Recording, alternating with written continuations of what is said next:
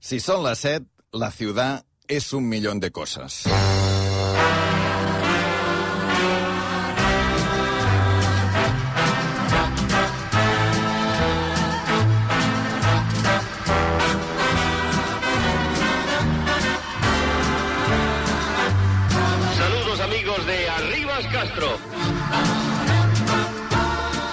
És Luis Arribas Castro, la ciutat és un milió de coses, Islàndia avui és un milió de coses, i aquesta tarda i tot el dia és el Dia Mundial de la Ràdio. RAC1 us ofereix Islàndia. Cap per avall en el Dia Mundial de la Ràdio. Amb el suport de Montse Interiors, Danone i Torrons Vicenç. Bona tarda, Maria. Bona tarda, Albert. Prepareu-vos avui perquè a Islàndia comença una hora i mitja de ràdio on sentirem Isabel Gemio, Carlos Herrera, Pedro Ruiz, Jordi Basté, Rosa Badia o Albert Malla. Grans noms de la ràdio, tots amb moltes ganes de parlar de Ribas Castro.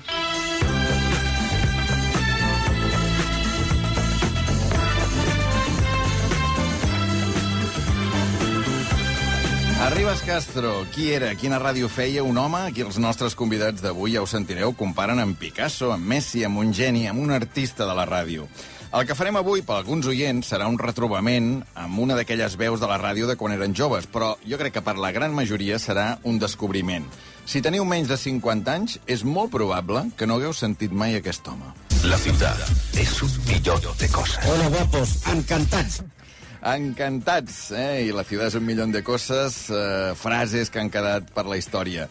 Eh, el que ha passat amb Arribas Castro és que moltes vegades en queda una frase, La ciutat és un milió de coses, que és el títol d'un dels seus programes, que a vegades el podeu llegir encara ara amb articles que es fan sobre Barcelona, escriu un article al Màrius Carol o l'Albert Jimeno fa poc també, i cita La ciutat és un milió de coses. Ha quedat això o un sobrenom, perquè sí, Luis Arribas Castro era Don Pollo. Desde Bañolas llega Don Pollo, el auténtico pollo de Payés con sabor a maíz. Eso empezó ya hace algunos años y empezó en Radio Barcelona. Con cierto estupor, porque durante 10 años me dediqué a ir por todos los mercados de Cataluña preguntándole a la gente si había hablado alguna vez con un pollo. Y eso aún me persigue. Que no sabem és la resposta, eh? Que li contestava la gent. A veure, segur que hi havia respostes variades eh? per tots els gustos. Això va començar sent un patrocini eh, d'aquesta marca comercial de productes derivats del pollastre, Don Pollo, i es va convertir en un personatge. Arribas Castro, als anys 70 i 80, us heu d'imaginar que era una persona, un periodista, un radiofonista extrema, extremadament popular. Jordi Beltran, un altre gran de la ràdio, el divendres em definia Arribas Castro com una barreja entre el Loco de la Colina i Justo Molinero. És a dir, poesia i proximitat, bogeria i. Oye, mami, si tropiezas conmigo en este instante, porque es humano tropezar en la vida, pues me llamas, me trucas y nos saludamos y yo te regalo una maceta, porque el domingo es San Mamá. O te envío al teatro, porque el domingo es Sant mamà. San Mamá. Toma.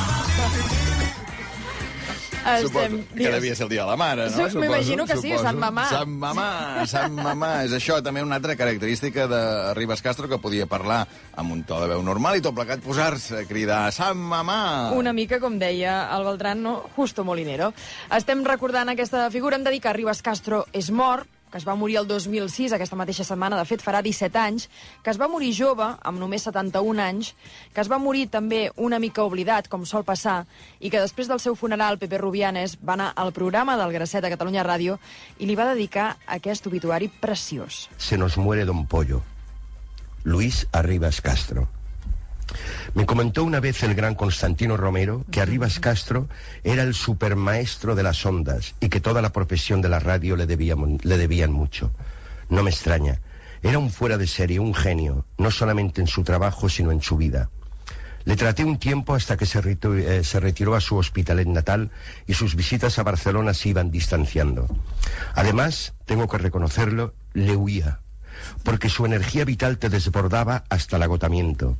Nunca he conocido en la vida a nadie tan atractivo y tan pesado a la vez, tan ególatra y tan generoso al mismo tiempo, tan bueno y tan malvado, tan simpático y tan aburrido. Era como la mesa de su trabajo en el estudio, una locura de papeles amontonados, lápices, gritos, eh, tabaco, humo, fíjate cómo añoraría él ahora esto, eh, culminado, culminando con un enorme ladrillo que utilizaba como cenicero. Te llevaba a la radio para hacerte una entrevista y era capaz de no preguntarte nada después de horas de esperar. Eso me ocurrió a mí. Despreciaba el dinero.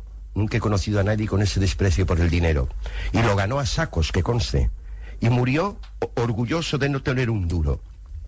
Despreciaba ese Dios contemporáneo que fundamenta nuestras vidas. Dinero, money, money, money. Así era él. Carlos Flavia le dejó un billete de lotería sobre su féretro para que pudiera pa eh, pagarse el viaje al más allá.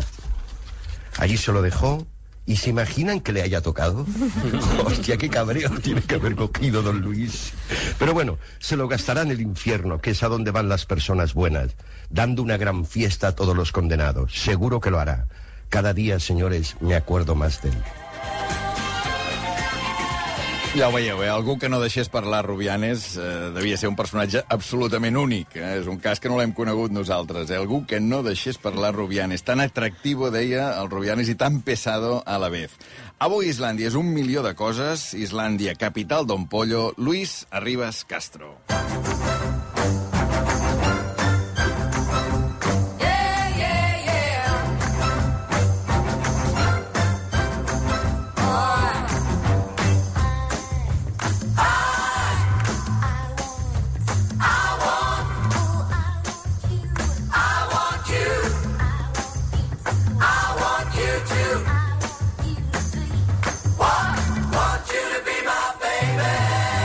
Estando con Isabel, Genio. genio. Yo pongo nombres y apellidos. Sí, bueno. Hombre, duró bastante. Eh, por cierto, que la primera vez que nos vimos, ¿dónde fue? En Radio Barcelona. Na, Ah, en tu casa que nos invitaste a comer. vaya. Y ¿Aquí, lo vamos, dijo- a, aquí lo vamos a contar todo?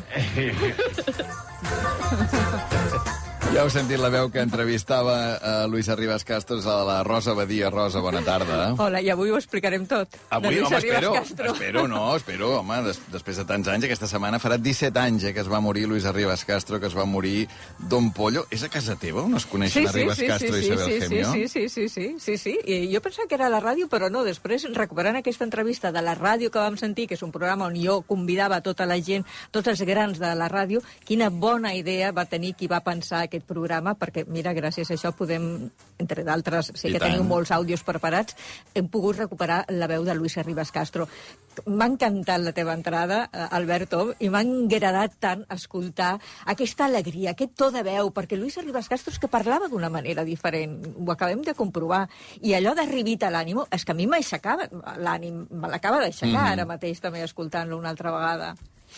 Uh, després ho contrastarem amb Isabel Gemio, eh, que Esclar, tindrem teniu- Isabel teniu Gemio d'aquí millor uns minuts. per explicar-ho. I, I veurem a veure, a veure si se'n recorda o no se'n recorda. La Rosa Badia, avui l'heu sentit amb el Marc Giró, que el Marc Giró, el vostè primer, homenatjava grans dames de la ràdio personificat amb la Rosa Badia tota la vida, més de 40 anys a Ràdio Barcelona, ara semi-retirada, ens ho explicaves també un dia a Islàndia. Uh, com era? Perquè, clar, tu vas treballar. Sí, sí, jo era una de les bèstia. nenes. Les nenes, nena? sí, sí, nena, què hora és? En antena? El nen... I tant, i Ostres. tant, i tant, sí. Això, gràcies a Déu, ha canviat. Ha canviat, i tant que sí. Mm, Penseu que estem parlant dels anys 70. Fa Mhm. molts anys, i efectivament, com diu la Maria, ha canviat molt. I tu estaves allà al costat, i si de vegades no parlaven els convidats com Pepe Rubianes, i jo això ho he viscut, amb el Pepe no, però jo he vist com un cantant ha vingut al programa, a les 6 és la cita, i no ha obert boca. I el cantant ha marxat content. Ella l'anava anunciant, eh, durant el programa, i aquí tenemos a tal. I de tant en tant deia el seu nom o explicava alguna cosa, però al cantant no se li obria el micro. Acabava el programa i el cantant marxava content. Era Ribas Castro, era, era complicat treballar amb ell. Era complicat treballar Era amb ell. complicat, era complicat, i a la vegada era una escola meravellosa. Esclar, jo hi vaig estar poquet temps, però jo al·lucinava, perquè més jo a Luis Arribas Castro l'escoltava a casa. La meva mare escoltava Luis Arribas Castro. I jo, amb abans fins i tot de pensar en dedicar-me a la ràdio, jo al·lucinava escoltant-lo. I pensava, com és possible, allò que diuen de la màgia de la ràdio, com és possible que ell parli de roses i que de cop surti la cançó Te llegarà una rosa d'Alberto Cortés. Bé, i, mm, imagina't després el que suposa per mi treballar amb ell i després fer-me amiga d'ell. Vols dir que era millor escoltar-lo que conèixer-lo? No, no, no diria tant. No, perquè coneix faig la pregunta diferent. Sí. Escoltar-lo que treballar-hi. Sí, era, era complicat i no era agraït treballar amb ell, per això que et dic, perquè mm, aspirem a més, encara que sigui quan comencem i quan som inexpertes i jovenetes, aspirem a més que a donar l'hora o a fer quatre comentaris o a donar quatre respostes, que és tot el que podíem fer. Tot i que també t'he de dir, la personalitat de Luis Arribas Castro, ell mm, venia a fer el programa segons el seu estat d'ànim, i hi havia dies que no tenia ganes de parlar, i no parlava. I s'estava també tot el programa i deia, aleshores tu espavila't. I aleshores aquell dia sí, parlaves per tot l'any. Però, en fi, era, era la seva manera de ser i de treballar. que medí entre los dos. Mira, la màgia de la ràdio aquí, Joan Ferrus. Has parlat d'una cançó d'Alberto Cortés? A mi em continua fascinant, això, 40 anys després. Després de tants anys de treballar en ràdio... Sí.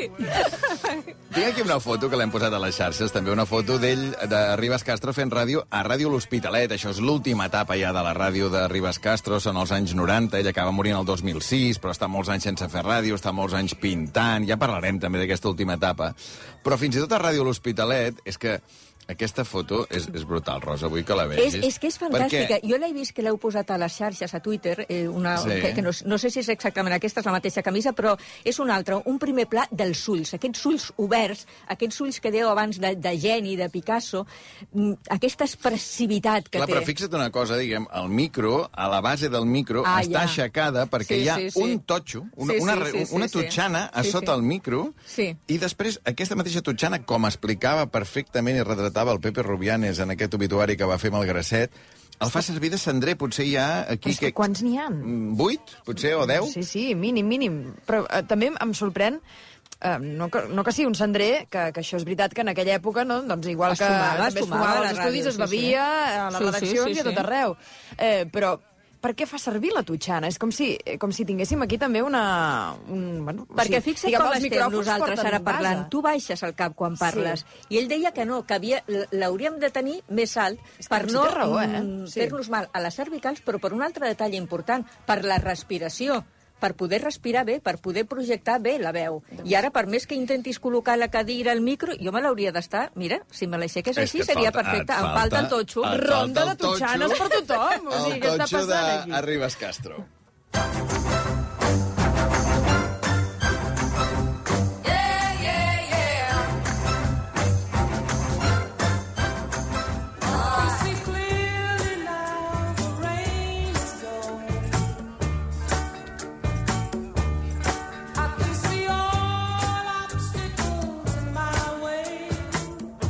Hombre que trabaja con nosotros cada mañana de 10 a 12. Es el hombre de, de tantas, y tantas cosas, tantas como un millón, porque la ciudad es un millón de cosas, como Luis Arribas Castro. Aquí sentíem la veu del gran Albert Mall. Albert, bona tarda. Hola, Albert, ho esteu fent molt maco, això, eh? M'encanta. Estava pensant, fixa't que fa 17 anys que no hi és, i quan sentim la seva veu, aquí a l'estudi tots teníem un somriure. Eh? Sí, sí, sí, És sí. energia positiva, aquest home. Sí. L'Albert Malla, que el sentíem fa pocs mesos aquí encara amb el Clapés, sí. col·laborant un històric de la ràdio, amb 13 anys ja vas començar amb el Salvador Escamilla, Sí, però senyor. llavors ja han vingut mil coses, des dels Malla musicals, el Cocodrilo Club, sí. vull dir que això, programes absolutament mítics d'aquest senyor, però a part, molts dels talls de Ribas Castro que avui sentirem és gràcies a la feina d'arqueòleg de la ràdio que fas i que has fet durant molt temps, que, que és eh, recuperar la veu. Hi ha un programa que tu tens penjat a, a l'Evox, Sí. que són 80 minuts de Ribas Castro. De 128 capítols. Ah, bueno, hi ha un... Sí, sí. sí tots duren 80 minuts. D'aquests sí. capítols Sí, de grans sí, sí, personatges de la ràdio, un dedicat a Ribas Castro, són 80 minuts fantàstics, fantàstics, que, que avui tindrem la sort d'anar sentint alguns d'aquests moments. Tu per què et vas fixar en la manera de fer ràdio de Ribes Castro? Home, jo des de molt jovenet era el, un dels meus referents, perquè era tan diferent a, a tots els altres, era molt original. Abans, quan heu comentat que era com el Messi, com el Picasso, bueno, realment hi ha gent que destaca per sobre dels de més mortals i que tenen unes habilitats que la majoria de la gent no podem, no podem tenir. Doncs a la ràdio aquest era el cas de Ribes Castro. Mm, Escoltar-lo era un show, però anar-lo a veure a l'estudi era un espectacle. Jo era un criu de 13-14 anys i em deixaven entrar perquè em volia dedicar a això i demanava permís perquè em deixessin entrar quan no feien el programa que era el públic perquè llavors els programes importants, eh, com ara la tele, es feien sempre cara al públic, des del mític estudi Toreschi de Ràdio Barcelona, no? Però els programes normals, els diumenges al matí, feia la ràdio en Catalunya.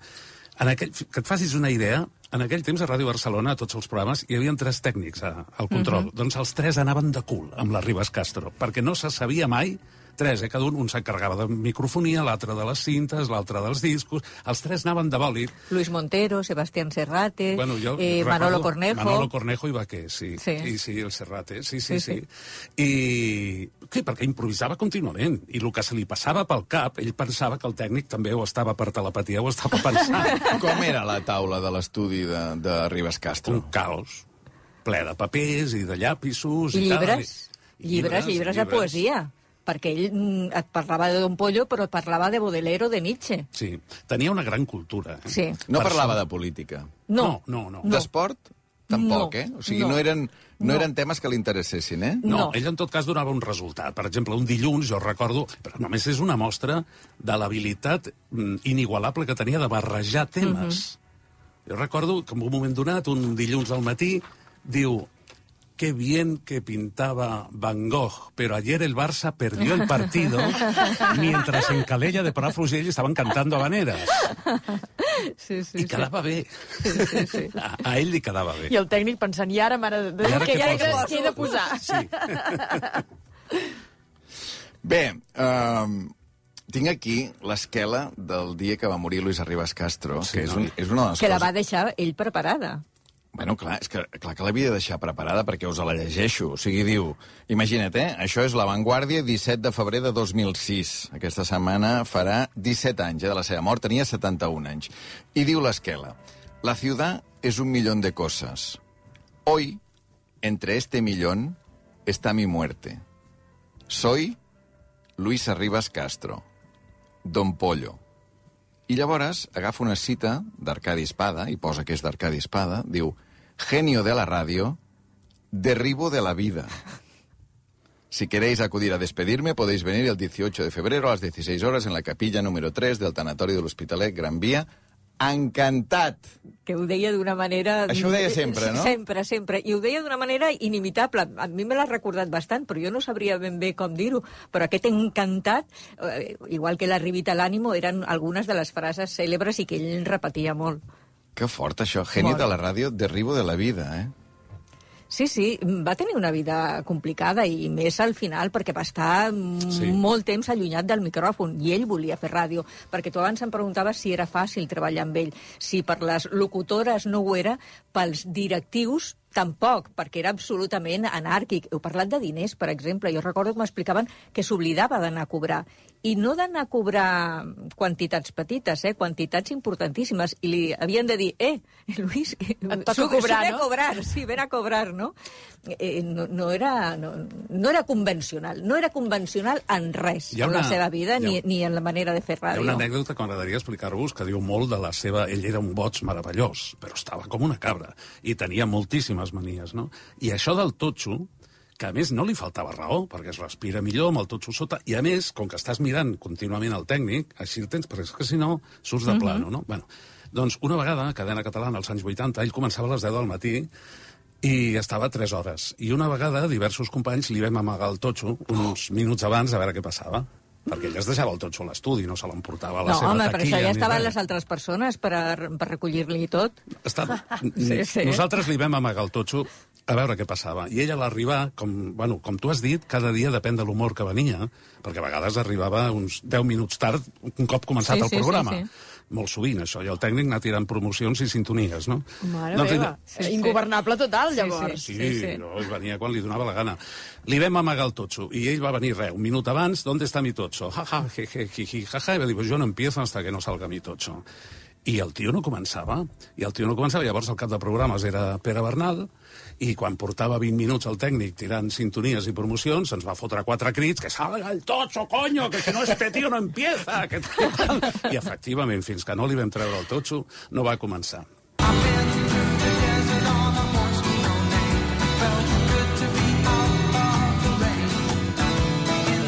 Però avui, Dia Mundial de la Ràdio, que parlem tant dels que estem a davant del micro, deixeu-me que també fem un homenatge, abans us citaven tant l'Albert com la Rosa Badia, als tècnics de so, a les, a les persones que s'encarreguen que la ràdio soni bé, que és el primer que se li ha de demanar a un programa i a una ràdio. Eh? Una cosa tan senzilla i tan complicada al mateix Sí, temps, sí. que és que soni bé, que tot vagi com un rellotge. Gent importantíssima, vital, tant el Joan Ferrus, que tinc ara davant meu a Islàndia, com el Jordi Nieto, quan fèiem l'hora del pati aquí a rac i tants i tants d'altres, i em vull saludar un que va treballar amb ell quan era molt, molt, molt jove. Joan Quintanilla, bona tarda. Bona tarda, Albert, què tal? Què tal? Escolta, encantat de saludar-te, el Joan, des dels estudis d'Onda Cero, on ha acabat ara mateix el programa de la Julio Otero, amb qui ha treballat tota la vida. Segurament molts oients el recorden de l'època de la columna, que també fèieu la, la televisió junts i que tu estaves allà, allà al mig Sí, del plató. era el que li posava la, a la música a la Júlia. Exacte. Tu ets el que li posa la música a la Júlia. No sé què. Però també va ser el que li posava la música a Ribas Castro. I això potser ja no és tan senzill, no? Mm, Mira, jo vaig començar amb el, la Ribas Castro que tenia 19 anys. Llavors, jo l'havia sentit perquè, igual que la Rosa, la meva mare escoltava la Ribas Castro i jo els dies que estava malalt i que no anava al col·le, el sentia per la ràdio. I després, quan feia el Cap nen sense joguina, jo amb la meva mare anàvem als estudis de Ràdio Barcelona a veure com feia el, la Ribas Castro al programa. I clar, allò era un espectacle. Era un home orquestra, les mans cap a un cantó, eh, la mirada cap a un altre, com, com es comunicava amb el tècnic, amb la gent, era, era meravellós. I clar, set, vuit anys després, em trobo que estic treballant amb ell i com li vaig dir al, al Marc, és que mm, dic, hòstia, és com jugar amb el Messi, no? O sigui, era meravellós. Bueno, jo, després de treballar amb la Ribas Castro, vaig pensar, ja puc fer qualsevol cosa. A veure, la Rosa Badia fa un moment, no sé si la senties, deia jo encara la màgia de la ràdio no l'entenc. Diguem que, que arribes Castro en el seu moment, cités eh, Sí. Alberto Cortés i sonés al Bueno, moment Alberto bueno. Cortés, llavors, tu com ho feies perquè sonés el disc que Arribas. Castro en aquell moment volia que sonés? Mira, jo tenia el control, mm, potser 70-80 discos desenfundats. Uh -huh. D'aquests 70-80 discos, ell s'agafava mm, unes 10-12 caràtules. Llavors t'ensenyava una i tu sabies que havies de posar aquell, aquell disc. La resta, la resta anaves fent, anaves improvisant sobre Mhm. la marxa. Esclar, i que no estem parlant de com tenim ara la tecnologia, que ara són botonets, ara No, clar. no, no li vull treure mèrit als tècnics d'ara, no? No, no. Però que aleshores era amb el tocadiscos, no? I havies de posar l'agulla. És que et Eh, sabies- Era més complicadet. Et sabies de memòria on estava la tornada de la cançó, eh? mirant el, el vinil. És que tu sabies. Sí, sí, era així. Perquè hi havia una marca, no? Sí, una marca. de tant parar el Albert. disc en aquell punt. Sí, sí, de tant, de tant posar-lo sempre en allà. A veure, eh, ajudeu-me vosaltres tres. Eh, a veure, Joan Quintanilla, de què anava la Ciudad és un milió de coses que tu eh, el vas, vas ser el seu tècnic durant Sí. temps a, a Cadena Catalana? De què anava aquell programa? De la vida. Era la vida. Era la vida passada pel filtre de la Ribas Castro. I era meravellós. Jo, per mi era una aventura diària. Mm? I és que entraves allà i mai no sabies què passaria. I allò era meravellós. O sigui, entrar en un programa en el que també, com ha dit abans la Rosa, mm, el programa de la Ribas Castro era un estat d'ànim. El dia que venia xungo, era xungo. Però el dia que venia a tope, pff, allò era increïble. Qui escoltava Ribas Castro? Abans la Rosa deia la, la meva mare, l'Albert Malla també deia jo era un gran oient de Ribas Castro. Qui creus que era el seu públic? M'ho preguntes a mi? Sí, sí, a tu, Joan. No, era, era completament transversal. O sigui, venia... O sigui, ell feia un programa que tenia diferents lectures. O sigui, t'arribava la lectura més planera i després una lectura una mica més elevada. Ell eh, et començava a parlar de Baudelaire, de Van Gogh, eh, deia les seves cites com prefiero pintar los ojos de la gente que las grandes catedrales. ¿no? Eh, Este programa no sirve para nada. Ah, sí, Estos son mis molt. poderes, la música. És que era... Bé, Vázquez Montalbán era Sí. un admirador, per exemple, de Luis Arribas Té una Castro. frase, entre moltes, perquè, perquè el Vázquez Montalbán havia parlat i havia escrit molt de la Ribas Castro, hi ha una frase que m'ha encantat, que jo crec que potser explica una mica el que esteu intentant transmetre, que és que era el surrealista més popular. Mhm. no? Diguem, era Sí, algú sí, que, sí, per sí. tant, podia fer una ràdio una mica més elevada, més surrealista, però en canvi tenia aquest to de connectar tant amb la gent que, que era increïble. Jo crec que ho veurem ara gràcies a un, a un document, Joan Quintanilla, agraïment etern al document que ens vas passar, perquè perquè és, és fantàstic. A veure, Maria, situem, a veure, què és el que escoltarem ara de Ribas Castro? És una entrevista històrica que li fa a Josep Carreras. Ens hem d'imaginar que això és finals dels anys 80, eh, Carreras ha tingut una leucèmia, l'han tractat als Estats Units, i a Ribas Castro ell aconsegueix la primera entrevista amb Carreras perquè des del seu programa li han enviat flors a l'hospital de Seattle on s'estava tractant. Por cierto, ¿cómo recibiste las flores en, en América? Bueno, fue un, fue un detalle extraordinario, un- muy emotivo. No quiero ser sentimental en No, absoluto. no, no, no. Pero, pero mm, son cosas que te dan unos, unos- unos ánimos tremendos y unas ganas de continuar y de luchar eh, y, de, y de ver las cosas con optimismo, al ver el afecto con, que, con, con el cual la, la- la gente te trata. Es, es- es maravilloso. Por cierto, mm, José, que resulta que a mí ese día se me ocurrió, digo, vamos a mandarle un ramo a José, pero por favor no me envíen más de un duro. ¿Me entiendes la idea, no? Porque un ramo de rosas a Estados Unidos vale un montón de pasta. Entonces, oye, me sobró dinero, pero de duro. La gente a veces decía, sin duros, no, sin duros no. Uno. Un duro només.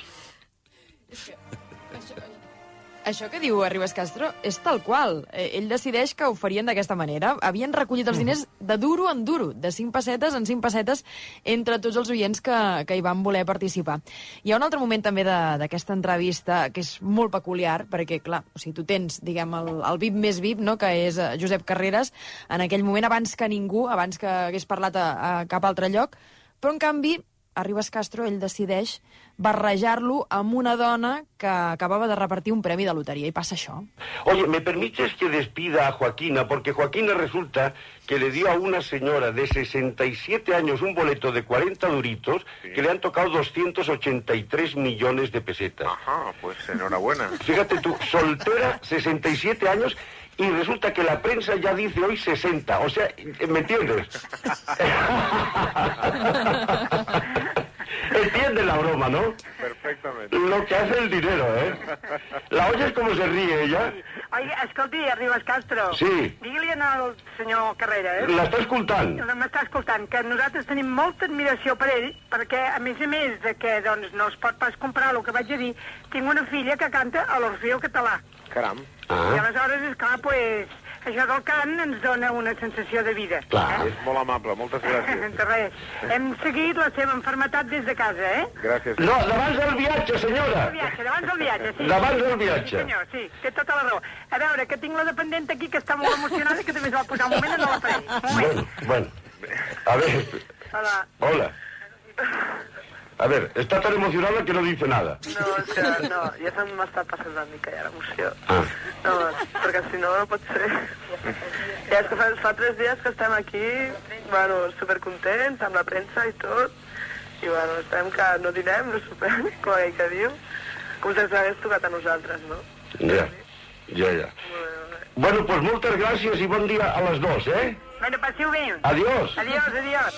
Fantàstic, fantàstic aquest uh, homenatge que estem fent avui a Ribas Castro i aquests documents d'aquesta entrevista amb el Carreras. Fixa't això, eh, aquest toc tan popular, aquesta... O sigui, barrejar... Tu penses, tindràs la primera entrevista al Carreras, no com l'he de tractar? Doncs no, no, Sí, escolta, sí, el sí. barrejarem aquí amb la dependenta i amb qui faci falta. I encara un últim document que m'agradaria sentir, després ho comentem, eh? Però quan t'escoltes aquella entrevista sencera, Maria, no sé si has tingut la mateixa sensació, t'adones que l'estrella no era Josep Carreras, No, era la Ribas Ribas Castro. Castro. Era Ribas Castro perquè, Totalment. perquè li va donant la raó tota l'estona. Carreras no para de donar-li la raó, però fins al punt que, recordem, eh, Carreras tot just es recuperava de la leucèmia. Encara no havia tornat a cantar. Amb prou feines podia sortir de casa, per això l'atén per telèfon durant una hora, i arribas Castro va i a l'entrevista li diu això. Oye, mm, ¿dormiste bien anoche? Sí, perfectamente. mm, Me encuentro, de verdad, me encuentro perfectamente. Duermo, a pesar del cambio de horas, que, hay nueve horas de diferencia Sí. de, de la costa oeste del estado, de Estados Unidos a España. Sí. A pesar de ello, Sí. me he adaptado enseguida al, al cambio de horario y estoy durmiendo muy bien. Muy me bien. encuentro muy bien. No, pues te lo digo eso porque yo no dormí bien, guapo. No. No, encendí la luz 283 veces apuntando cosas. Porque ahora, entiéndeme bien, eh, bueno, soñaba contigo. Porque ¿qué le puedo preguntar a un hombre después de ese viaje tan famoso como tú que me concede la primera entrevista? ¿Me, me entiendes, no el problema? No, pero tú sabes que nos conocemos de hace, de hace tiempo y es Sí. un placer hablar contigo. Sí, sí, pero me entiendes lo que quiero decir. Que el que viene de Seattle soy yo, guapo. ¿Me, me comprendes? O sea que casi, casi eh, es como una broma pesada el que me hayas hecho, porque me tuviste toda la noche encendiendo la luz, que le preguntaré, que no le preguntaré, qué quiere la gente saber, qué es lo que no quiere la gente saber. O sea que, chico, no dormí absolutamente nada. Lo siento. O sea, me pides eh, disculpas.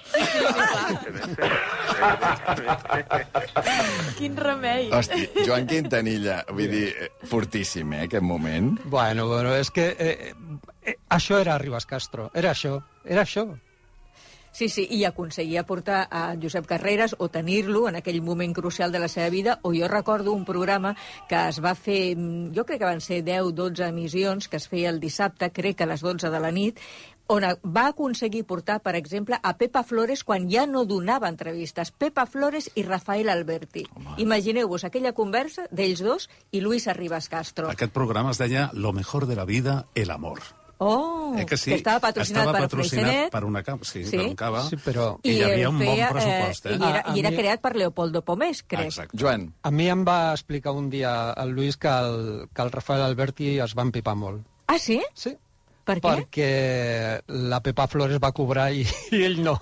Ah, doncs tenia motius per empipar-se.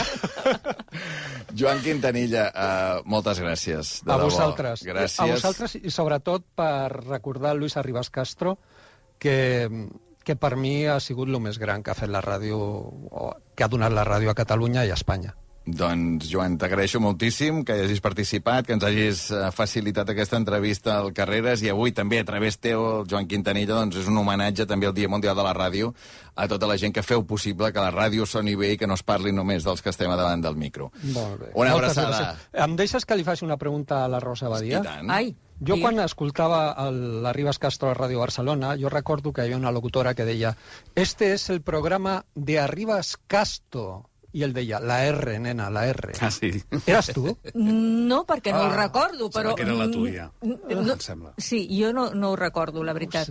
Bueno. Jo, jo recordo el nen a què hora és, això sí, Sí, que em tenia, em tenia martiritzada, perquè a més abans li, li explicava a l'Albert que mm, si et veia un segon despistada, és a dir, tu tenies... No, no parlaves, no, però havies d'estar atenta. Sí, sí. I en aquell moment que perdies la concentració et preguntava alguna cosa.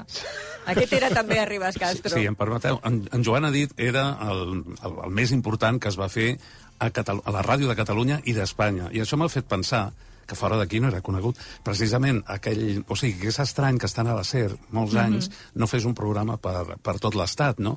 I la pregunta seria, fora de Catalunya, com ves entrat o com ves caigut a Ribas Castro? Perquè, clar, els tarannars Bueno, sí que va tenir alguna no? experiència televisiva, no? Recordo un programa que es deia sí. l'Orquestra, no? Sí, però... però tu saps el que va passar el primer dia. Que se'n va anar a casa. Tenia pànic a les càmeres. És veritat. Sí, sí, no, Sí, el primer sí. dia estava, era directe. Sí, sí, sí, estava sí. allà Albertino Osborne, no sé què, tots els convidats. Mhm. Faltava poc per començar, a Sant Cugat, i va dir que anava al lavabo i se'n va anar a casa. I el programa no es va poder fer, perquè no li agradava la tele. Joan, Bueno, repeteixo, vinga, gràcies. A Una vosaltres, abraçada. una abraçada gran. Adéu, Joan. Adéu. Adéu, Albert.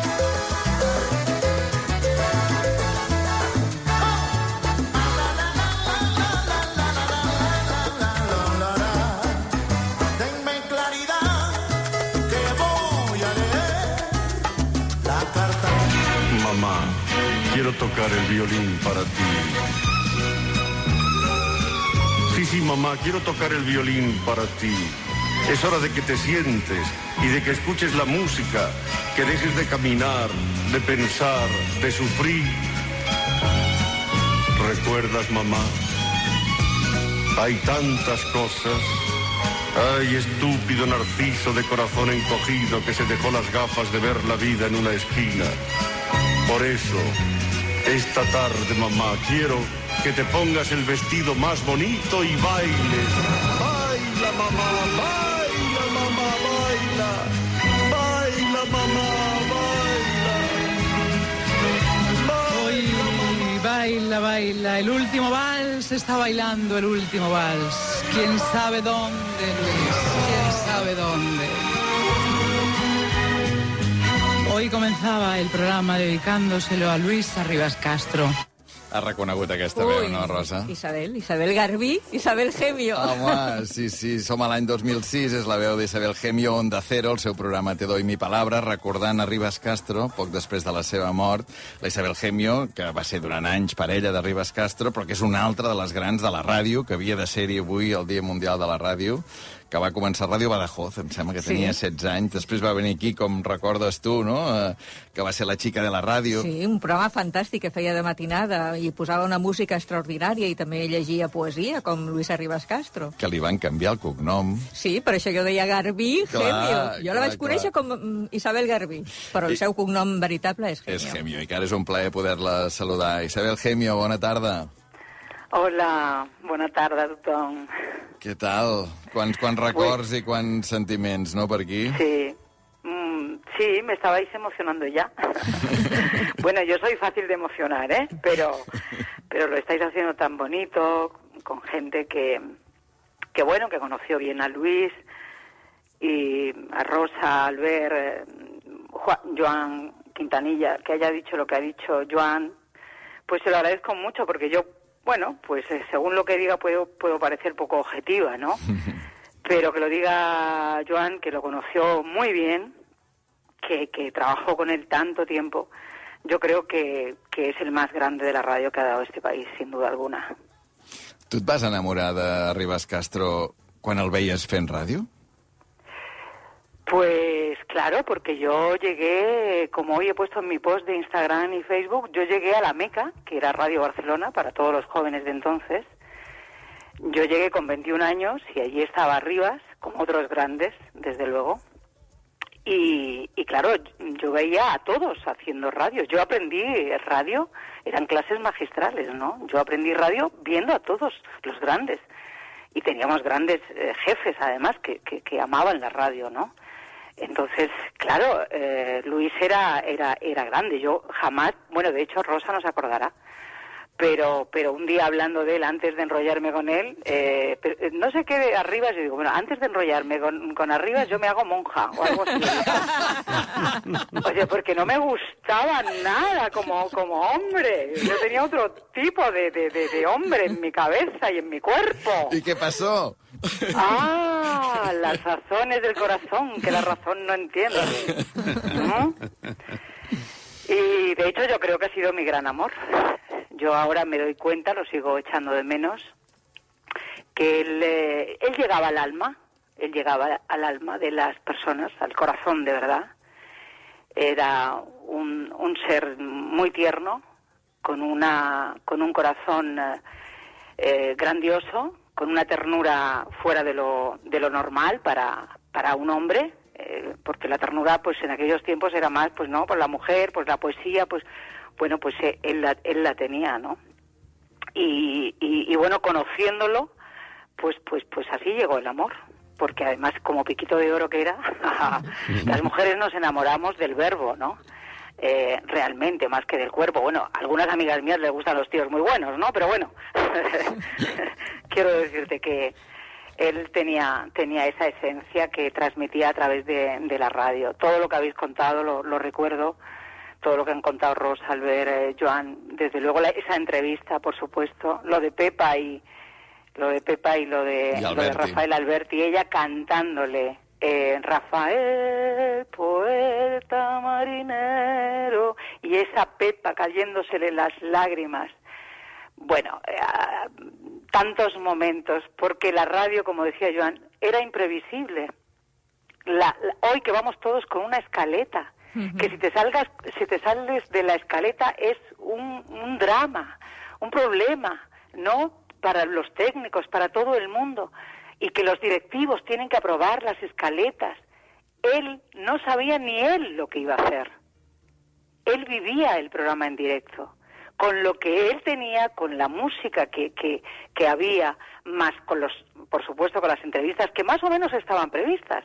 Pero de pronto él, por la tarde, conocía a un personaje en las Ramblas, un sin techo, lo conocía, escuchaba su historia y le decía, le daba, por supuesto, le daba algo de dinero, o lo invitaba a un café y le decía, pásate mañana por la dirección tal. Algunos lo conocían, a otros a lo mejor no. Se pasaban al día siguiente, lo hacía sentar delante del micrófono, empezaba a preguntarle y aquel señor empezaba a contarle la historia. Es decir, que él era el que más improvisaba, según evidentemente su- sus sentimientos o lo que le estaba trasladando, transmitiendo a la persona que tenía delante, ¿no? Era un poeta, era, era un poeta. De, Él de llegaba la radio. preparado para Espera, improvisar. És, és que anava a dir, Isabel, tinc la Rosa aquí, que, que, que s'està mossegant la llengua, que et vol saludar. No, pero, pero, Rosa, pero estoy encantada escuchando a Isabel y escuchando lo bien que, que está definiendo cómo era Luis Arribas Castro y diciendo eso, esos programas tan vivos. Hola vosaltres- Isabel, Mm, un abrazo y, y besitos desde la Sabes que te distancia. quiero. Escolta'm, un dubte. Vosaltres dues, Isabel Gemio i Rosa Badia, vivíeu juntes? Sí, uns mesos, sí. Es verdad, pues hasta que yo encontré piso, ¿no? Sí, sí, sí, sí. Mm, eh, el que passa és que coincidíem poc a casa, eh, És perquè perquè jo ella treballava a la nit. de la sí, sí, i, i jo molt d'hora al matí, és a dir, que ens creuàvem, però sí, sí, compartíem pis, confidències i, i moltes Fue- coses. yo la quiero desde entonces porque Rosa es una de esas compañeras y amigas y buena gente que uno ha tenido el, el honor de, de conocer a lo largo del camino de la vida. Y de hecho, hace poquito nos escribimos un WhatsApp porque me dijo voy a estar en esto y digo pues yo también. Y, ella no lo dirá, sí que lo voy a contar yo, porque hemos em, hablado de, de cuando las cosas le iban bien a Luis Arribas Castro y cuando las cosas no le iban bien. Eh, ahí mm, quizás muchos no estuvimos a su lado, quizás muchos no estuvieron a su lado, pero quien no le falló, y eh, ella además acaba de decir que ha sido uno de los hombres de su vida, por no decir el hombre de su vida, e Isabel lo demostró hasta el final, porque quien estuvo ayudando hasta el final a Luis Arribas Castro fue Isabel Gemio. Cierto, cierto. Isabel, bonita. eh, que no me extraña que te enamorases de Luis porque estaba recordando una anécdota de una noche muy tarde que él paró un taxi y el taxi le dijo no le puedo llevar porque yo ya he terminado mi turno y me voy a casa. ¿Qué le debió decir al taxista? Porque pasaron tres días juntos en la Costa Brava. ¿Qué le debió, qué le debió decir, no? El piquito de oro. El piquito de oro funcionava amb, amb dones, amb homes i funcionava Sí, amb els oients. Tú decías, ¿qué público? El público era absolutamente eh, transversal, como ha dicho Joan, es decir, directivos que se quedaban alucinados, que, que cómo hacía la radio que hacía, cómo, cómo era posible, ¿no? Que, que, que, que pasaran las cosas que pasaban. En- era una radio vibrante, era una radio emocionante, no sabías nunca qué iba a ocurrir. Bueno, ¿Te y acuerdas, Rosa, la, la anécdota de la señora cuando le empieza él con la música? ¡Vamos a bailar! ¡Vamos a bailar, señora! ¡Vamos a bailar! Y la señora le dice al otro lado del teléfono, estoy en una silla de ruedas. ¿Y qué más da, señora? En la radio se puede bailar, vamos a bailar. Y la Sí, sí, señora sí. terminó llorando. Sí, sí, sí, sí. Terminó y- llorando, ¿no, hipnotizaba, señora? hipnotizaba a los oyentes. O le- y yo recuerdo una vez que le decía a un oyente, súbase a una silla, señora. Y, la señora se subía a una silla. Y ahora tire la radio. Y la señora tiraba la radio. I ell després li enviava una ràdio. Eh, exactament, Clar, li enviava, un, li enviava un, un transistor Sí, sí, nou. sí. Uh, Isabel, en- ara deia això la Rosa, no? que, que també vas estar-hi en els moments no tan agradables, uh, la relació havia acabat feia molts anys, tu també hi vas haver de ser al, al funeral. Al, al funeral, Albert, tu hi vas anar. Sí, I sí, em sí. deies abans que hi havia poca gent al funeral. Poca gent de la, de la professió eh, i també dels músics i cantants que ell va ajudar tanta gent als anys 60 al seu funeral no- mm, d'aquest d'aquest gremi només va anar el senyor Josep Guardiola mm -hmm. ell va, va escriure cançons i va ajudar a molts conjunts que es deien llavors i a molts cantants Bueno, va ser el descobridor del duo dinàmico, de l'Honestar, de Sirex, de, de, de, de moltíssims. Sí, Mirad, eh, casi nunca, casi nunca con los, con los más grandes se hace justicia. Eso le ha pasado a Jesús Quintero, que estuve en su pueblo mo- eh, despidiéndole San Juan del Puerto y había, éramos cuatro gatos. Esto es así, cuando eh, se deja de tener éxito, eh, bueno, el público se puede olvidar. Hasta cierto punto es razonable. Pero las instituciones públicas, que no hubiera la Junta de Andalucía despidiendo a Jesús Quintero, que no, hubiera la- que no estuviera el Ayuntamiento de Barcelona de- despidiendo a, a, a Luis Arribas Castro, el Posat Guapa, el que utilizó el Ayuntamiento en una de sus campañas hace años, eh, fue el autor fue y no cobró un euro por ello en aquellas en aquellos momentos una peseta fue Luis Arribas Castro. El- el- Arribas Castro eh, eh, eh, mm, plantó, sembró un en la en la Plaza de Cataluña hay uno de los eh, pinos que hay, por cierto, uno que está totalmente torcido. ¿Te acuerdas, Rosa, que un día lo comentamos? Sí. uno que está totalmente torcido, digo, mira, como la vida de Luis, totalmente eh, eh, torcida, ¿no? Porque como él decía, se olvidó las gafas de, de entender la vida en una esquina, ¿no? Él era una- un hombre herido, evidentemente, un problema, un hombre que a lo mejor hoy podríamos, si, si, si, si viviera, a lo mejor un psiquiatra hubiera dicho que pues que era un, hombre con problemas mentales, un bipolar, tenía muchísimos problemas y a pesar de todo hizo todo lo que hizo, ¿no? Tenía que haber tenido a su lado eh, pues directivos que lo que lo acompañaran, que lo entendieran y que le dieran todo lo que él necesitaba, pero evidentemente eh, los tecnócratas no están para eh, espíritus sensibles como el como el de Arribas, ¿no? Bueno, pues no hay ni una plaquita ni una plaquita, ni una calle en Barcelona, ni un balcón que él decía, señora, llene de, de macetas y de, y de flores su balcón Barcelona, posad guapa. Eso era de Arribas Castro. Y no hay ni una calle, ni una plaquita, ni una nada. Nada. Le dieron el San Jordi. Sí, la porque creu de Sant unos Jordi. grupos de amigos, Joaquín María Puyal, una serie de personas, hicimos un escrito diciéndole, por favor, delen el, el San Jordi, la, la, la, la creu de San Jordi a Luis Arribas Castro. Y por eso se le dio. I se li va donar... lo pedimos unos cuantos. Se li va donar l'any 2005 i va morir l'any 2006. Deixa'm que afegeixi a la conversa una persona que fa molta estona que ens està escoltant, que també era en aquell funeral, que també era en la mítica Ràdio Barcelona, perquè ell és actor, és humorista, però també presentador de televisió, home de ràdio. Pedro Ruiz, bona tarda. Hombre. Bona tarda. Com esteu? Bona tarda. Isabel, si vols saludar al Pedro. Él, lo, bueno, lo quiero mucho, hace muchísimos años, somos amigos, tengo también la suerte de, de que esté en mi vida. Hola, Pedro, Un saludo, Isabel. Un abrazo fuerte. igualmente. Escolta, Pedro, no sé si començar... Comencem pel principi. Tu què feies al, al programa de Ribas Castro? Bueno, dintre d'aquest reco- reconeixement que li esteu fent, que és totalment just, de poeta, d'home bohemi, de, de geni, de geni de la ràdio, doncs per, per eh, posar una mica de somriure, jo repartia flors. Jo era el repartidor de flors. Eh, jo, estudiava, jo estudiava dret a la facultat de, de la Diagonal y em va dir, oye, voy a hacer una cosa del enviado de la primavera y quiero que la gente reciba en su casa un ramo de flores. Y yo, ¿qué tengo que hacer? Pues tú coges el ramo de flores, vas con un transistor, te pones en la puerta de la señora a la que voy a citar y cuando digo, va a llamar el, el enviado de la primavera, llamas al timbre i le das les flores. I com que jo estava començant i tenia ganes de parlar a la ràdio, encara que fos una estoneta, doncs vaig dir que sí, estava estudiant dret, i jo anava al pis, em posava a la porta, portava el ram a la mà i quan ell deia, i ara llega el enviado de la primavera, i jo toc, premia el, el timbre, i sortia la senyora, oh, oh, oh, i jo ho feia perquè després em posava el telèfon i parlava 40 paraules. Mai vaig parlar tres paraules. Gràcies, Pedrito, gràcies. O sigui, llavors arribava a la facultat de Dret i em deien, ja te hemos oído, eres el capullo de la primavera. Me cago Va ser una forma de començar amb molta humilitat. Clar, que, home, sí, abans, abans sentíem que Pepe Rubianes no podia parlar quan anava a una entrevista amb, amb Arribas Castro, imagina't, no? Se Escolta, adoraban, eh, se adoraban. Todos estos Sí. surrealistas, todos estos grandes adoraban a Luis y, y, el- y la adoración era mutua, claro. Sí, sí. És que hi ha coses que, que va dir el Pepe Rubianes després de la mort de Luis Arribas Castro que crec que es van repetir el dia que va morir Pepe Rubianes, diguem, no? Que tenien alguns punts en comú molt, molt importants, també amb el Carles Flavià. Evidentment, vas fer un programa, Isabel, quan es va morir Arribas Castro, que vas ajuntar Flavià i Rubianes parlant d'Arribas Castro, que, que, que va ser memorable tot el que explicava també el Flavià, que amb aquella pinta que tenia eh, plorava de seguida i era una persona que se l'estimava molt a, a l'Arribas Castro. Otro surrealista grandioso. Sí, sí. Uh, a veure, Pedro Ruiz, tu l'altre dia em deies que per tu Castro era una mena de Picasso de la ràdio. Explica'm-ho, sí, això. sí. Ell, ell ho deia moltes vegades, ja s'ha dit, ja he escoltat el Quintanilla, la Isabel, de la Rosa, ell era un, un geni, ell pintava... Ell, va haver una altra persona, el Salvador Escamilla, que, que a Ràdio Barcelona deia la ràdio en colores, però ell la feia de veritat. Això de que si arribava de bon humor feia un programa i si arribava una miqueta trist era un altre, era veritat.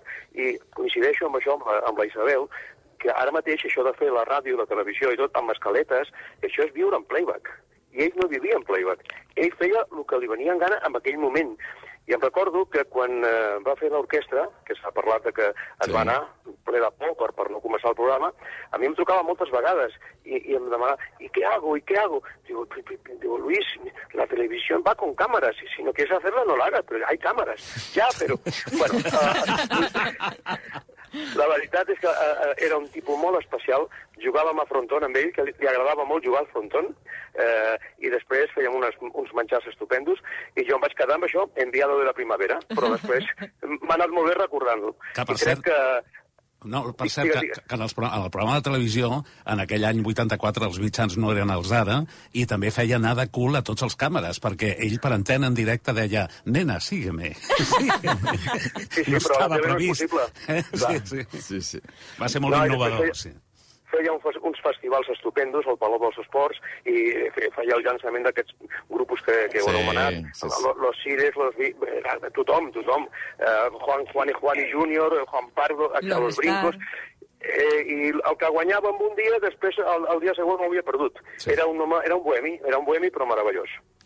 Doncs, escolta'm, després parlarem d'aquesta faceta musical, perquè jo crec que és, que és important també anar a la faceta musical, a la seva primera etapa, també quan feia Europa Musical, a finals dels anys 60, quan organitzava tots aquests festivals, deies, Maria. Hi ha molts missatges dels oients, eh, que estan recordant la, la figura també de, de Ribas Castro com a oients, però m'ha cridat l'atenció el del Lluís Givert, perquè ara que el Pedro Ruiz parlava de, de ser l'enviado de la primavera, diuen que, que la Ribas Castro feia de tant en tant el macetero, que Sí. repartia plantes. Sí. Diu, Clar, vaig sí, coincidir una vegada a la Sagrada Família, ell diu que no tenia ni 10 anys, diu que amb el, a la Ribas Castro li va fer gràcia, li va fer una pregunta, diu, no recordo ni quina era, i em va regalar la planta i 10.000 pessetes, diu, una petita fortuna per un nen, òbviament, diu que el recorda amb molt de carinyo, no m'estranya. Sí, sí, el macetero. Era Don Pollo y era el macetero. Déu-n'hi-do, el Pedro Ruiz... Que... Regalaba flores, regalaba flores. Él siempre le encantaba, pero a todo el mundo, a los artistas que iban. E incluso fue productor y creador, que ahora no me acuerdo, a lo mejor Pedro tú te acuerdas, o Rosa, de un de un trío de, de música. Alicia y Nubes Grises. Alicia, Alicia, Alicia, Sí, Alicia que- que de eran- sus amores. eran fan- exacto. Una mujer guapísima Sí, que, sí, tuvo- sí, sí. Que, que también tuvieron una relación muy muy importante porque, bueno, es que realmente estuvo con mujeres eh, fantásticas, ¿no? Es decir... Me, consta. ya lo han dicho, ya lo han dicho, Pedro, ya yo lo han dicho. por allí. Bueno, yo soy el hombre y tú la mujer o algo así, es lo Hombre. que cantaba Sí, Alicia y sí. Nubes Grises. Hombre y mujer. Hombre y mujer. cuando en el 84 otro salió aquel éxito de Jennifer Rush, que era Si tú eres mi hombre y yo tu mujer, me lo encontraba por el paseo y me decía, vaya, vaya, me han copiado, Claro. me han plagiado. Porque claro, él 15 años antes ya había explicado una historia similar de hombre y mujer. sí. Escolta, hagué- no ha adelantado, claro, evidentemente, eh, en muchos en muchos aspectos, ¿no? Y luego por eso se paga también, o pagó, ¿no? Ese precio. Eh, desde luego que lo- el final de, de Luis eh, fue fue muy triste porque eh, cuando uno no sabe hacer otra cosa que, que, como era su caso, ¿no? Era comunicar, su vida era la radio, ¿no? Era donde él podía olvidarse de todos sus problemas mentales, ¿no? Eh, pues si te lo quitan, le, quitas la, la vida y a partir de ahí empezó empezó el declive, digamos, eh, profesional. Cuando, claro, si no tiene, no tenía micrófono, es decir, es que no interesa ya igual. Hombre, no, lo que pasa es que si no, no le das una posibilidad, pues eh, no puede tener oyentes, ¿no? Entonces se lo quitaban, ¿por qué? Porque tenían otros compromisos, porque era indomable, porque era, era, era eh, imprevisible, porque estaban hartos de él, porque no se presentaba, por ese tipo de cosas. Pero claro, es que era un artista, ¿no?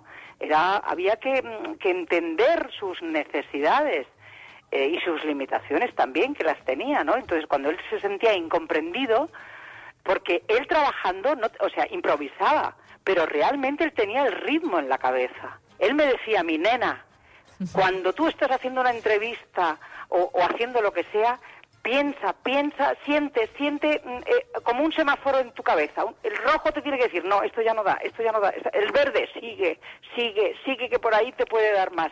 Es decir, que él se dejaba llevar por eh, lo que sentía, pero al mismo tiempo tenía una construcción de ritmos eh, armónicos en su cabeza. Él estaba pintando un cuadro al mismo tiempo, que fue, por cierto, en los últimos años pintaba.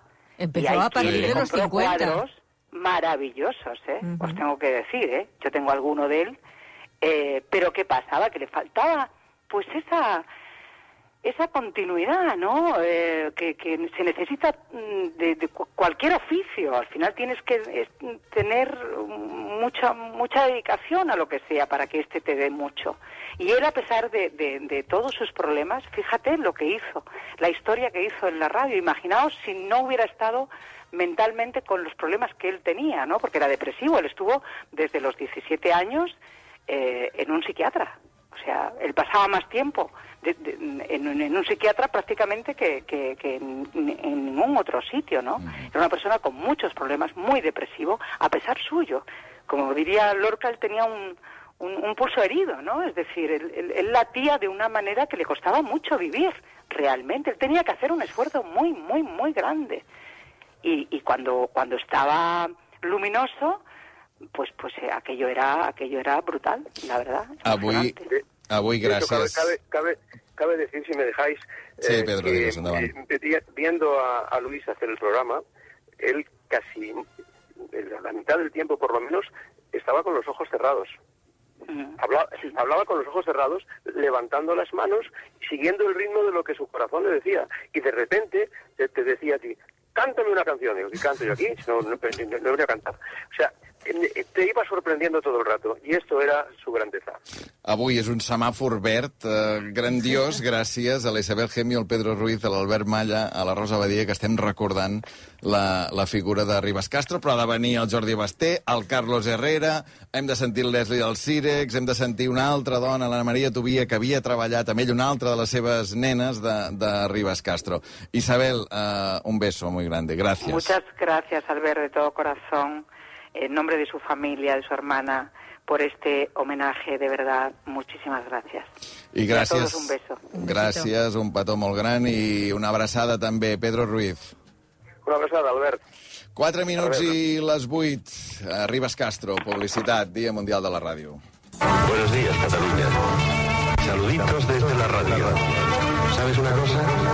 ¡Qué bonita eres, Cataluña! Islàndia, amb Albert Ong.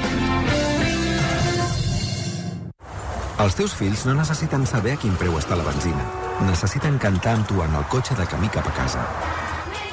I tu necessites la tranquil·litat de poder seguir-los cuidant amb el millor. Per això a Danone arrenquem l'any abaixant els preus a un euro amb la qualitat de sempre. El que és essencial és ajudar-nos. Iogurt Danone.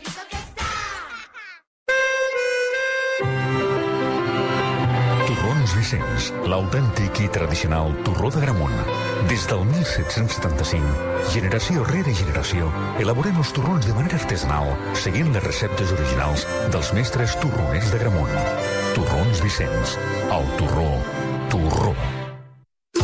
Febrer és el més blanc i a Montse Interiors apliquem un descompte de fins al 60%. Consulta condicions. Articles essencials, aquells que no poden faltar a casa teva. Ara és el millor moment. Conforters amb borreguet, abans des de 109 amb 95 euros, ara des de 35 amb 95. I Play Geo doble cara, abans des de 79 amb 95 euros, ara des de 19 amb 95. Vine al més blanc de Montse Interiors, a les nostres 27 botigues i a montseinteriors.com. I recorda, fins al 60% de descompte, només fins a final de mes o exaurir existències. Montse Interiors et desitja un feliç dia mundial de la ràdio. Com menys et costa aquest gest, menys li costa al planeta. Amb Aquària, l'aerotèrmia de Panasonic, estalvies en calefacció, aigua calenta i refrigeració. I li estalvies al planeta. Ara, amb servei de manteniment anual. Aquària de Panasonic. La teva llar estalvia. El planeta, també. RAC més 1 presenta... Emili Solsona, jubilat. Somos un equipo de investigación desde Famos allá, bueno, Laureano, que es, es mi, mi aprendiz. eh, Somos eh, un equipo de investigación policial urbana. I Laureà Lledó, 40 anys i vivint amb els pares. A les 22.03, al carrer Valladolid del barri de Sants de Barcelona, una dona va cridar molt fort. Tots dos formen un equip d'investigació criminal que busca casos on no n'hi ha. Ya sé lo que haces con tu mujer cada noche. tranquilo. ¿Eh? Cuando subes borracho. ¡Ah, oh, ¿Qué me han dicho los vecinos? Si no ve. ¿Qué digo? ¿Quieres un contrato? Ven, ven acá aquí. Crits, un podcast que posarà foscor a la llum. Cada setmana un cas a l'app de rac i a rac I divendres, la resolució al versió RAC1. Crits, amb el suport d'Òptica i Audiologia Universitària. Per a joves d'un a 100 anys. Als 20, als 40, hi ha una edat per cada cosa. Una edat?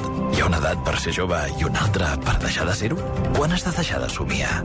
A Òptica i Audiologia Universitària sabem que, tinguis l'edat que tinguis, és perfecte per ser jove. Òptica i Audiologia Universitària. Per a joves d'un a 100 anys. RAC1 us està oferint el Dia Mundial de la Ràdio amb el suport de Montse Interiors, Danone i Torrons Vicenç. Islàndia, amb Albert Ong.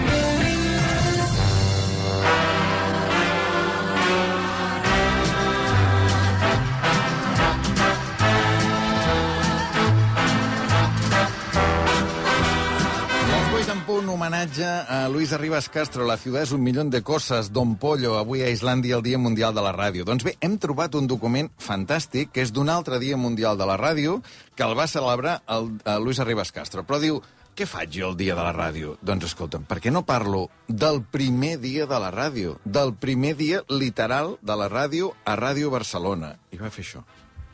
Y un día me va a decir, nena, ¿quién soy yo? Don Pollo, nena. No, no, no és aquest, no és aquest. És el tall número 7, Ferrus. Dia Mundial de la Ràdio i busca Así pues, como el hoy se dia de la ràdio. celebra el Día de la Radio, eh, creo que la persona más oportuna para hablarnos sobre el Día de la Radio, pero concretamente sobre el primer día de la radio, es don Jaime Torrens. Don Jaime Torrens, que durante muchos años ha sido jefe de programas de Radio Barcelona.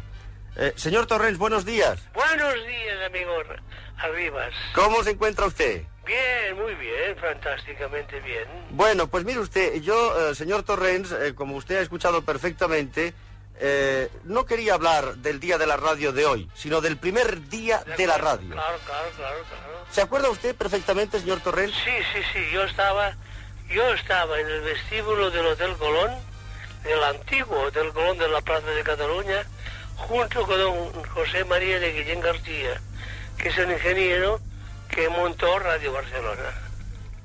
¿Qué día era de la semana? Era un viernes histórico, ¿eh?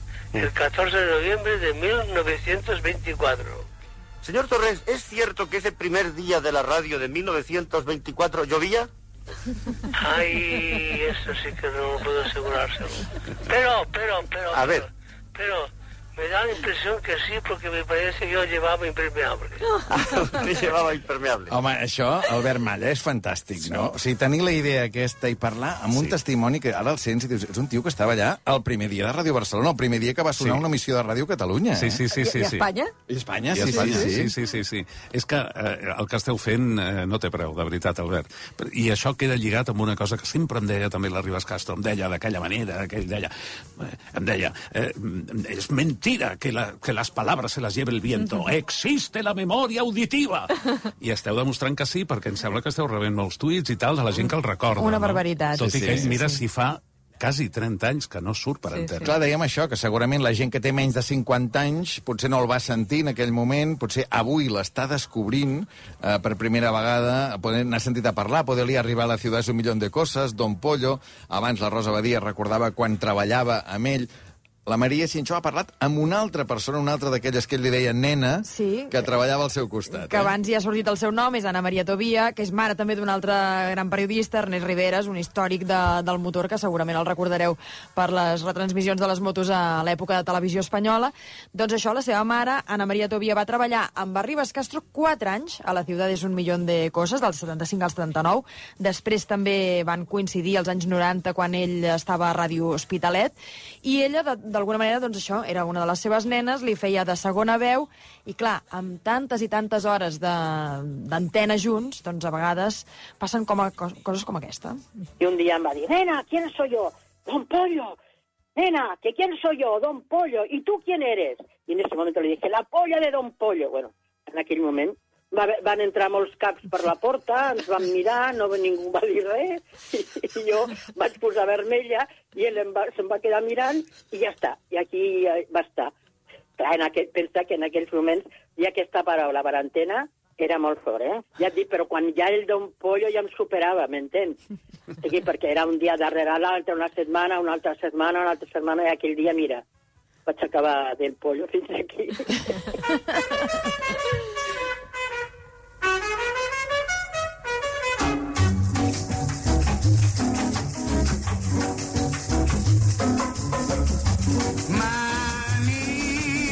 El seu estimat Machín, que també sonava a molts programes de, de Luis Arribas Castro, de, de Don Pollo, i una persona que sempre el té present, que sempre que parla de ràdio parla de Ribas Castro, és el Jordi Basté. Jordi, bona tarda. Soy Don Pollo. El único pollo que habla. Això, què tal? Com esteu? Molt bé. Quin és el, el, el primer record que tens tu de, de Ribas Castro?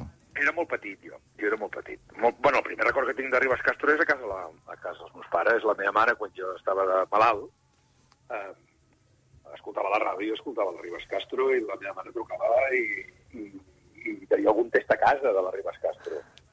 Perquè, clar, ell regalava maquetes.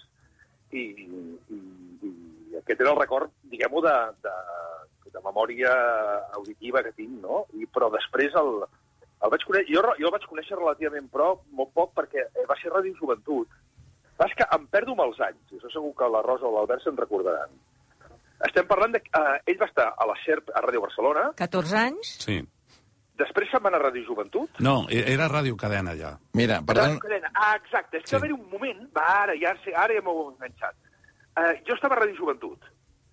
I a Ràdio Joventut va haver un moment que va ser la mort de Ràdio Joventut. Ràdio Joventut és la gran emissora, i això l'Albert i la Rosa també ho poden confirmar. I tant. Amb Ràdio Barcelona, Ràdio Joventut era el gran viver de gent de ràdio. Era, era bestial, lo de Ràdio Joventut era bestial. A més, que tenia una escola de ràdio, que és on jo Era vaig estudiar escola, ràdio.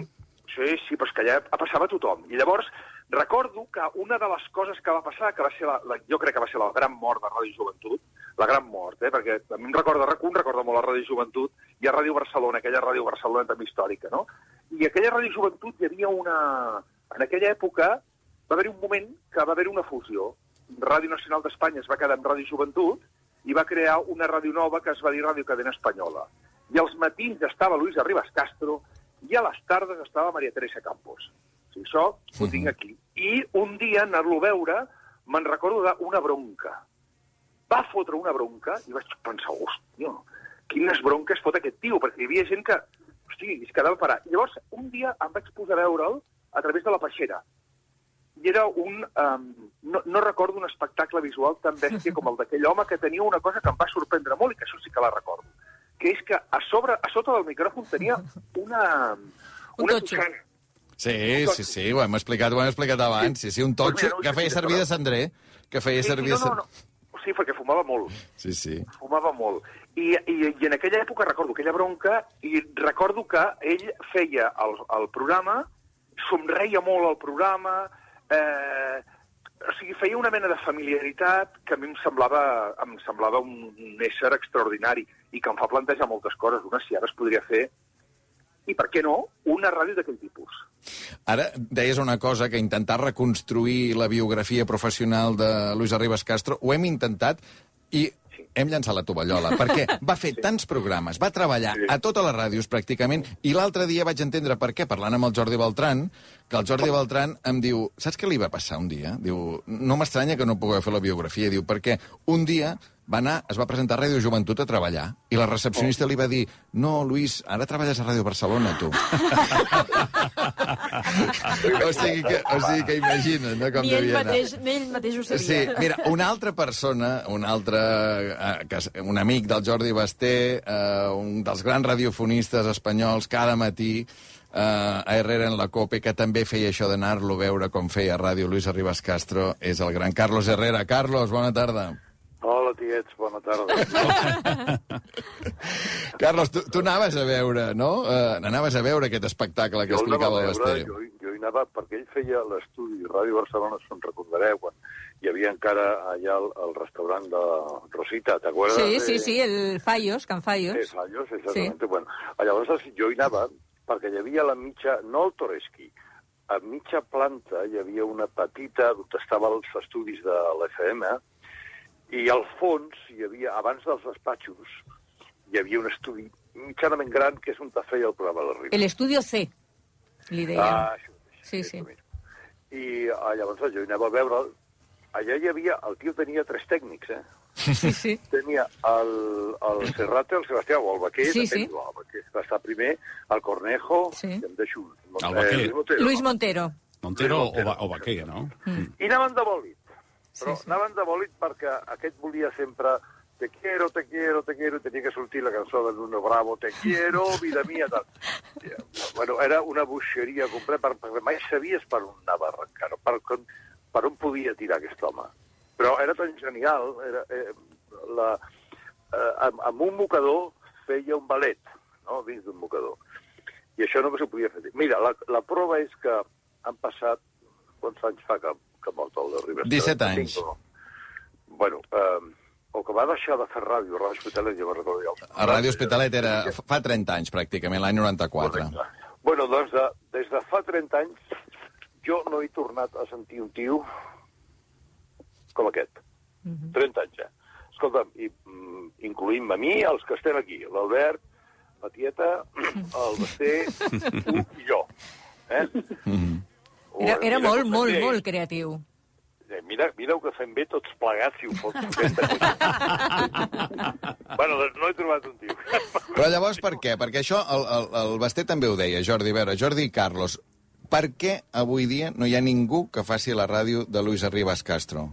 Perquè has de ser Ribas Castro, perdona, no soc ni Jordi Basté ni Carlos Herrera, però perquè has de ser ell. No és una Ell- qüestió d'anys 80 No, o, de, o de no. 2020 o de més llibertat o de menys. Jo crec que no. No, no, has- no, no, no, però si us fixeu, i amb això vam parlar l'Albert i jo, te'n recordes, Albert? I fa- fa tant. poc, Sí, sí. Eh? I, i, I ell, si tu et fixes, dius, però quin programa feia la Ribes Castro? A veure, què feia? Una entrevista? Feia un, un editorial, un comentari, i després tenia dos col·laboradors? Un... No, no, no, no, no se'n sap quin programa era. però quin programa era el que feia? Bueno, sortia ell i deia, aquí a què hora d'en cafè?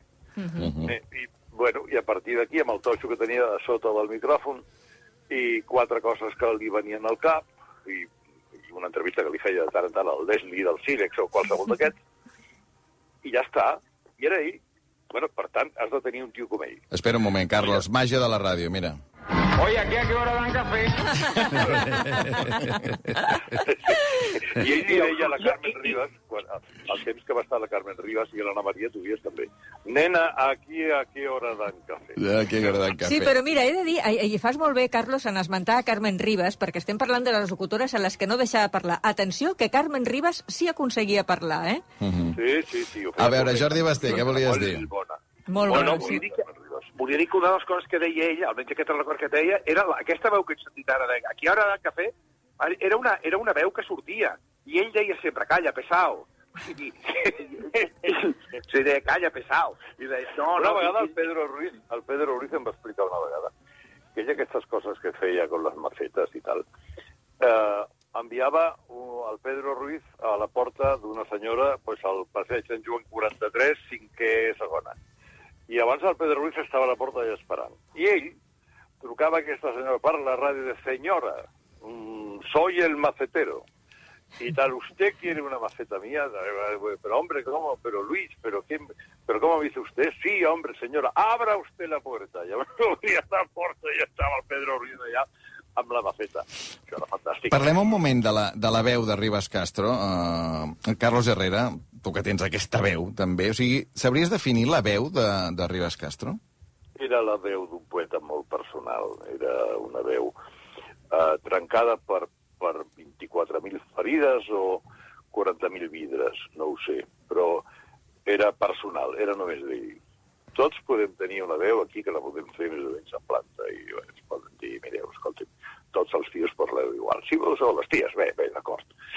Però és que aquest tio no parlava igual que cap tio més que jo he conegut. I era el to, i era les inflexions que feia amb, amb la veu.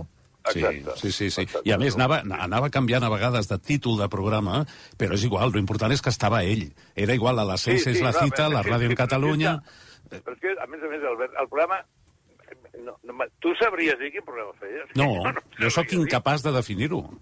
No sé ni per què li posava títol i anava canviant de títol. És que no ho sabia ni ell. De fet, ell els posava... Eh, va haver-hi un títol que es deia 1, 2, 3, i li van preguntar que per què. Diu, a mi el títol m'és igual. Vaig dir 1, 2, 3 i, i el van agafar com a Sí. títol, però que ell feia, com dieu Sí, sí, ara, sempre pensa- al, al seu programa. Que aquí no s'ha dit, que el, el Quintanilla ho hagués pogut explicar millor, que quan s'enamorava d'una cançó, fos una novetat o, o fos antiga, però se'n recordés d'ella, es passava 3 hores Cert. de programa amb una cançó. Cert. S'anava repetint, anava Sí, explicant. però com a oient no se't feia pesat. Ah, no, gens, que va, que va, que ara va. per final, ara per no sé què, ara Sí, sí, sí. dir, cántamelo otra vez. Pum, i fotia Sí, el sí, Serrat, sí. i fotia el disc de... Sí, sí. Escolta, l'última pel, pel Jordi Basté. L'altre dia, Jordi, el, el Beltran em deia, diu, és una barreja, eh, a Ribas Castro, de Loco de la Colina i de Justo Molinero.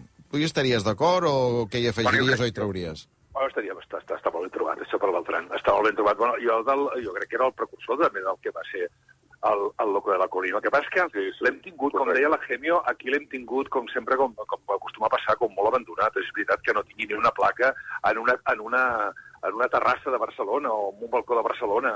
Eh, una persona que estava tan vinculada amb una marca comercial com va ser ell. Vull dir, aquests senyors, imagina que es diguessin ara eh, el, um, Albert Tom, soy el Corte Inglés. Doncs aquest senyor va fer una, va fer una marca, ell sol va fer una marca i va fer gran una, una marca com Don Pollo. Però, efectivament, jo crec que això... I després tenia aquesta ànima de poeta. L'altre dia que ens vam veure, eh, Albert, que estaves amb el Ferran Torrent, Sí. eh, recordo que, que jo tinc un disc, un disc, que era, un, eren poemes, i sí, aquest disc encara el conservo a casa. I a la Mamá, portada- quiero tocar el violín para ti. I a l'altra cara, la silla. La I jo el silla, tinc no també sé signat per Luis Arribas Castro i dedicat a la meva mare.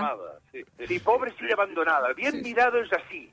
Jo siempre fui su silla. A veure, màgia de, la, màgia de la ràdio, per favor, és que sembla que... Mira, va. Ferrus, no em fotis ara la silla, l'11, el tall 11. Home, Bien mirado es así. Bien mirado es así. Yo solo fui su silla, una pobre silla enamorada. Y en ella se sentó cuando le dio la gana. Y a una silla no se la quiere, ni se la abraza, ni se le habla. A una silla no se le hace nada.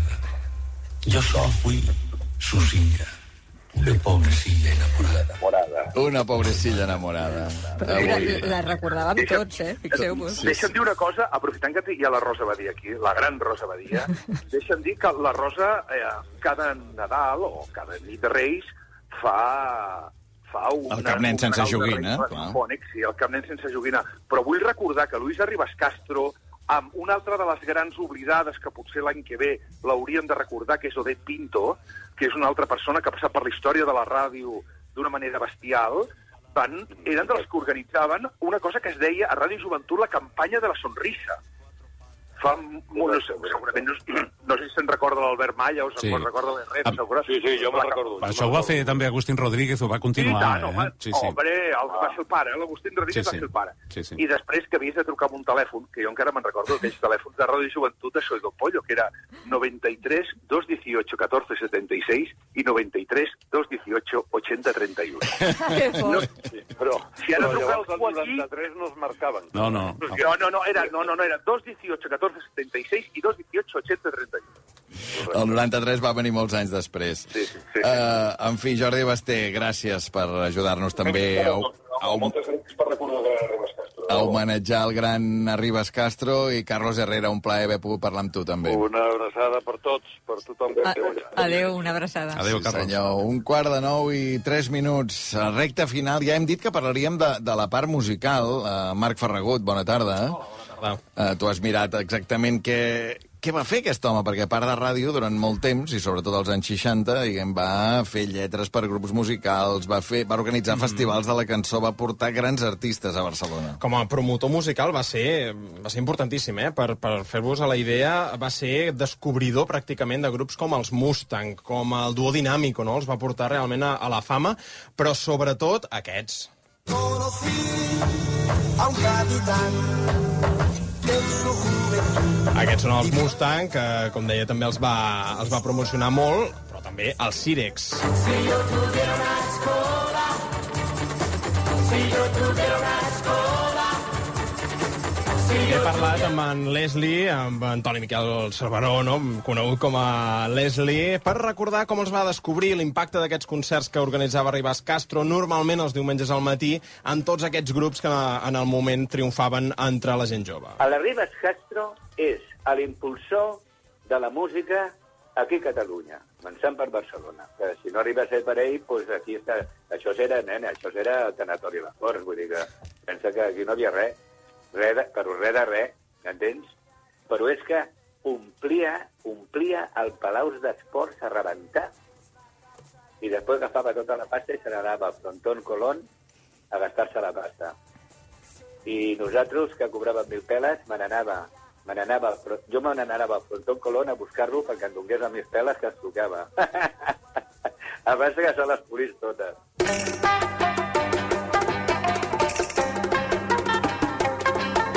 Aquesta relació amb els diners que ja ha sortit més d'una vegada. Bé, hem d'intentar, abans de dos quarts de nou, una cosa. Averiguar si és certa una línia de les seves biografies, o de moltes de les seves biografies, que diu que Luis Arribas Castro va presentar el concert dels Beatles al 65 a la Monumental. Una pausa i anem a veure què va passar exactament amb aquest concert dels Beatles i si era ell o no qui va presentar el grup anglès. Islàndia, amb Albert Ong.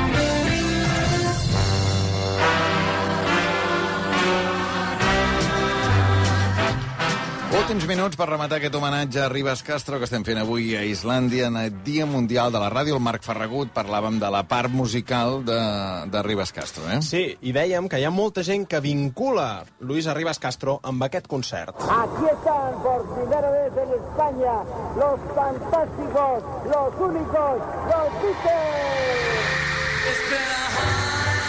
És el concert de presentació dels Beatles a, a, és la presentació del concert dels Beatles a Barcelona, la Monumental, no 3 de juliol de l'any 65, i li he preguntat a en Leslie, que va actuar en aquell concert, els Cirex eren un dels vuit taloners que hi havia al cartell, a veure si realment era Ribas Castro el presentador. A la Monumental, a Torrebruno, va presentar el concert dels Beatles. Torre I me'n recordo com si fos ara. El Torrebruno era presentador tant a Madrid com a Barcelona, perquè va ser el mateix.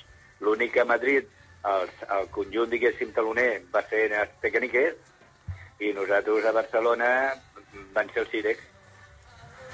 Desmentit, eh? I de fet, si anem a l'avantguàrdia d'aquell 3 de L'Albert juliol... Malla ens l'ha desmentit també durant la publicitat, eh? Estava sí, claríssim sí. que no... Però hi ha moltes biografies seves de Ribes Castro que diu això, que ell va presentar No el, els Beatles No sabia, a, a no, Barcelona. Sí, sí. Ja, jo i- he vist el cartell original, i a Exacte. baix de tots diu presentado per Torre Bruno. Torre Bruno, per tant, totalment uh, desmentit. Uh, Ribas Castro era un enamorat de la música, però també de la pintura, no? ho comentaven també, i uh, resulta que en, en Leslie m'explicava que el restaurant que tenia a la Barceloneta, el restaurant Catalunya, sí. li havia arribat a pagar amb pintures seves, és a dir, anava allà a dinar i li diu, escull la que vulguis, nen. I llavors tenia el restaurant ple de pintures de, de Ribas Castro. Albert Malla, gràcies. No, gràcies a vosaltres. I no, no me'n puc marxar sense recordar una de les frases d'un bolero d'Antonio Machín que ell sempre deia, de lo que pudo haber sido y no fue. I llavors la gent trucava i un li deia, jo sóc carnissera, però jo volia ser hostesa d'avió, per exemple, no? Luisa Ribas Castro, Rosa Badia, gràcies. No, gràcies a tu, gràcies a aquest programa a Islàndia per haver fet aquest programa tan, tan preciós dedicat a Luisa Ribas Castro. Doncs eh, gràcies a tot l'equip que l'ha fet possible. Eh, ens acomiadarem, o ho farà ell mateix. L'última paraula, avui d'Islàndia, Dia Mundial de la Ràdio, la tindrà Luis Arribas Castro. Sí, señor, con puntos de admiración, amigos, el primer programa de la mañana de Radio Barcelona. Saludos amigos de Arribas Castro. RAC1 us ha ofert Islàndia, cap per avall en el Dia Mundial de la Ràdio. Amb el suport de Montse Interiors, Danone i Torrons Vicenç.